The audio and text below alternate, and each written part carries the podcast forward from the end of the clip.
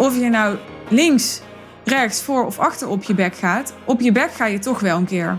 En als je links op je bek bent gegaan, is de kans vaak wel kleiner dat je rechts ook nog op je bek gaat. Want dan heb je vaak wel geleerd om even iets beter op te letten of iets meer na te denken. Of even tot tien te tellen voordat je een beslissing nam of ergens op reageerde of wat dan ook. Dus ja, wees wat dat betreft ook niet te bang om de fout, dus aanhalingstekens in te gaan.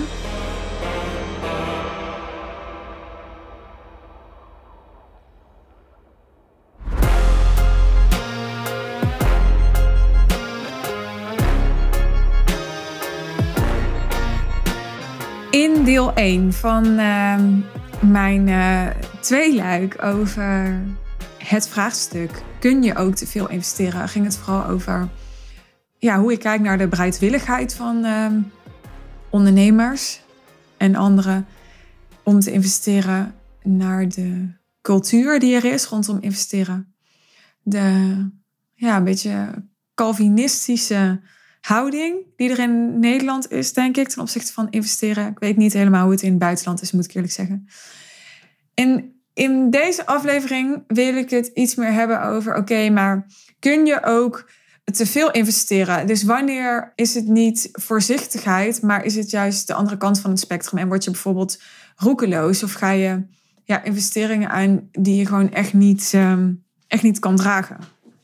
Nou, zoals ik ook al een beetje in deel 1 van dit tweeluik deelde, is mijn opvatting, maar dat heeft ook te maken, denk ik, met mijn uh, best wel liberale levenshouding, dat het niet zo heel snel te veel is. Omdat ik denk, ja, het is vooral te veel als jij bepaalt dat het te veel is.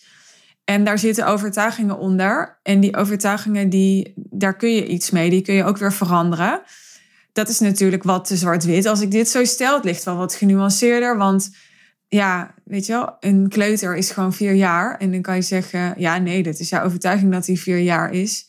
Hè? Ik bedoel, je zou ook de overtuiging kunnen hebben dat een kleuter 16 jaar is. Maar ja, dat is gewoon niet de realiteit. We hebben in onze maatschappij afgesproken, een kleuter is vier jaar. En daar zijn we allemaal van overtuigd en dat werkt prima. Dus het is natuurlijk ook niet zo dat overtuigingen altijd maar onzin zijn en altijd maar omgeturnd moeten worden. En het is helemaal aan jou wanneer jij vindt dat een overtuiging voor jou helpend is. Het is alleen, denk ik, zinvol om te zien hoeveel er eigenlijk een overtuiging is en hoeveel jij wordt geleid door je overtuigingen, zodat je ook voor jezelf kunt bepalen ja, of dat het jou helpt om je te laten leiden door die overtuigingen en of dat die overtuigingen dus helpend zijn om het leven en de doelen en de de vervulling te realiseren waar jij naar verlangt. Nou, wat is in mijn beleving belangrijk om ervoor te zorgen dat je niet te veel investeert? Nou, ik denk dat, ja, dat er iets heel bazaals, eigenlijk heel erg voor de hand liggends is, waar je op moet letten, of wat in je bewustzijn mag zijn. En dat is dat als je veel geeft, ik zie investeren ook als een vorm van geven. Dus je geeft en daarom is het een investering, omdat je dan ook weer terug kan krijgen. en zo blijft de cyclus op gang, de, de, de cirkel van geven en ontvangen. Maar als jij dus niet goed bent, onvoldoende goed bent in ontvangen of in nemen, ja, dan gaat er te weinig return on investment ontstaan. En dan ga je je eigen return on investment misschien wel saboteren. En ja, dan heb je uiteindelijk te veel geïnvesteerd als je het afzet tegen de return on investment die je daaruit hebt gehaald. Want je hebt er namelijk te weinig voor teruggekregen. Dan kan je zeggen, ja, mijn investering was te veel. Je kan denk ik ook zeggen, ik heb er te weinig voor teruggekregen. Dat zijn toch twee verschillende dingen. Wat je ook kan zeggen is, ik heb er te weinig voor teruggenomen. Want ja, hoor je wat er zit in, in de kracht van woorden? Je kan zeggen, ik heb er te weinig voor teruggekregen. Alsof iemand het aan jou moet geven. Maar dat is best wel een passieve, afhankelijke houding. Je kan ook zeggen, ik heb te weinig teruggenomen. Dat is interessant, toch?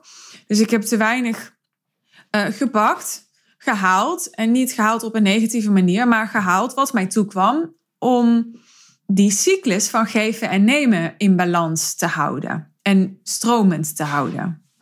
Nou, verder wil ik in deze aflevering ook nog even benoemen dat ik denk dat je ook te veel kunt investeren als je te veel in kleine dingen investeert. Dus als je niet een te hoog bedrag investeert, maar in te veel verschillende dingen, dus te versnipperd. Dat kan ook een vorm van te veel zijn. Hè? Dus het zit hem niet alleen in de hoogte van het bedrag van het coachingsprogramma waar je bijvoorbeeld in investeert, maar het zit hem ook in het aantal dingen waar je in investeert en eventueel in het totaalbedrag van die aantal dingen. Want ik zie heel veel ondernemers toch in totaal een laag winstpercentage hebben omdat ze te hoge kosten maken. Een, een kostenpost is niet altijd hetzelfde als een investering, maar ook omdat ze ja, te veel investeringen doen waar ze te weinig uithalen, omdat ze dus te veel kostenposten en investeringen hebben, waardoor ze gewoon hun aandacht tussen al die kostenposten en investeringen moeten verdelen.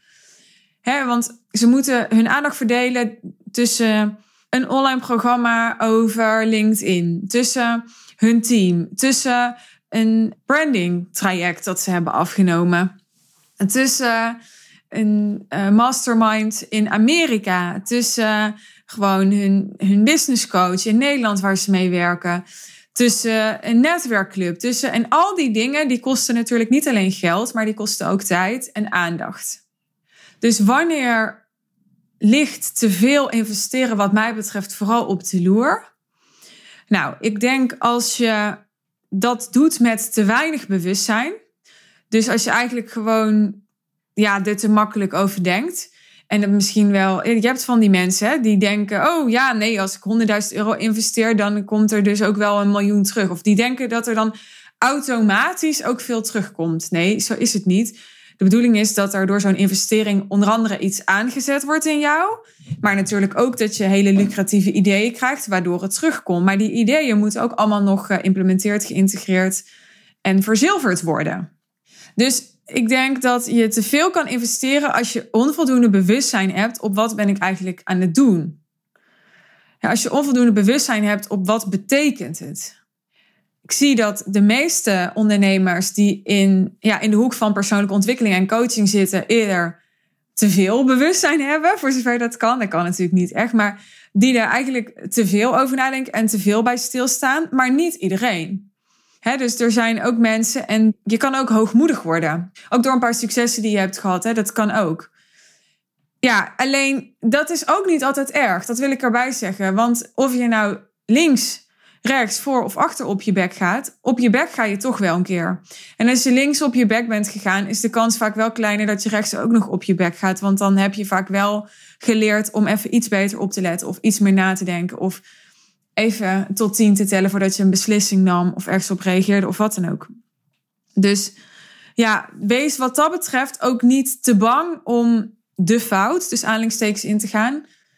Ik vind de quote van Dan Peña nog steeds een gouden, die ik vaak ook eh, aan klanten benoem. Die zegt, I might be wrong, but I'm never in doubt. Dus er is, er, er is echt iets voor te zeggen om iets fout te doen. In plaats van om erover na te blijven denken of te denken ja, ik ben er naartoe aan het groeien. Of weet je wel, nee, ga het maar gewoon ervaren hoe het is om zo'n grote investering te doen.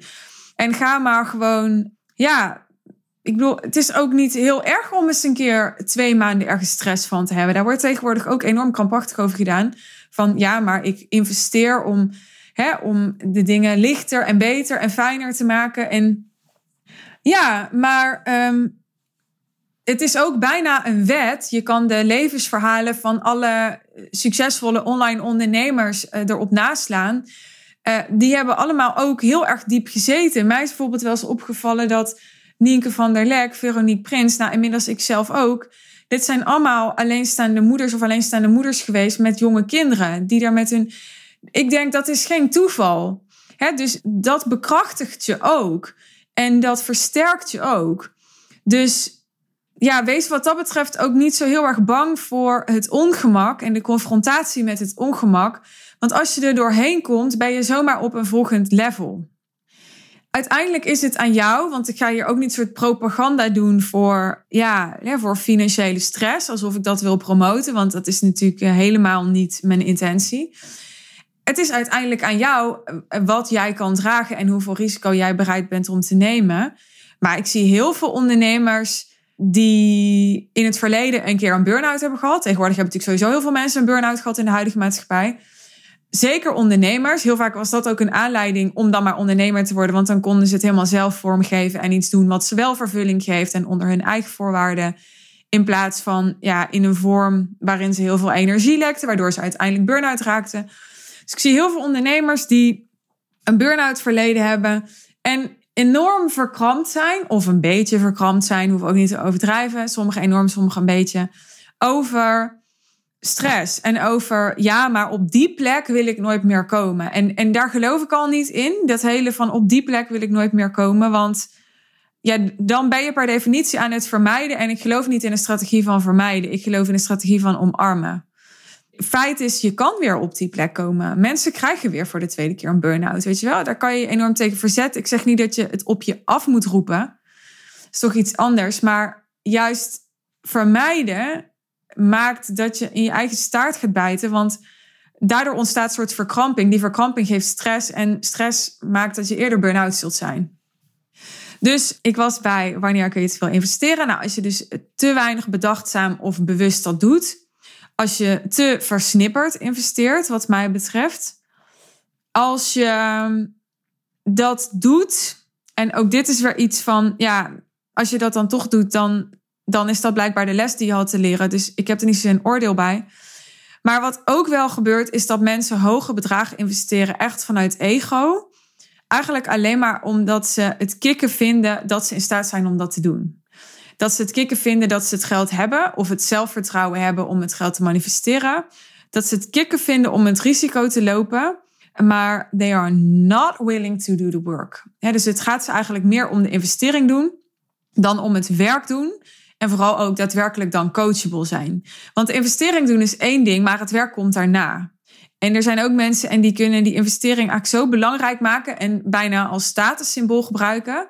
Ja, dat ze daarna, nou ja, gewoon ehm, eigenlijk niet meer meedoen. Uit verbinding zijn. En ja, en ik denk dat je dan gewoon geld verspeelt, om eerlijk te zijn.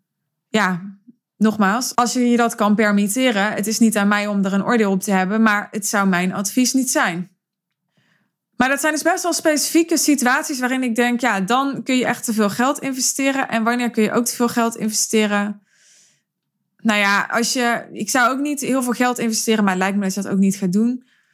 Ja, bij iemand die, die je onvoldoende begrijpt. Hè? Dus je moet wel het gevoel hebben, als ik in jou veel geld investeer, dan wij spreken dezelfde taal.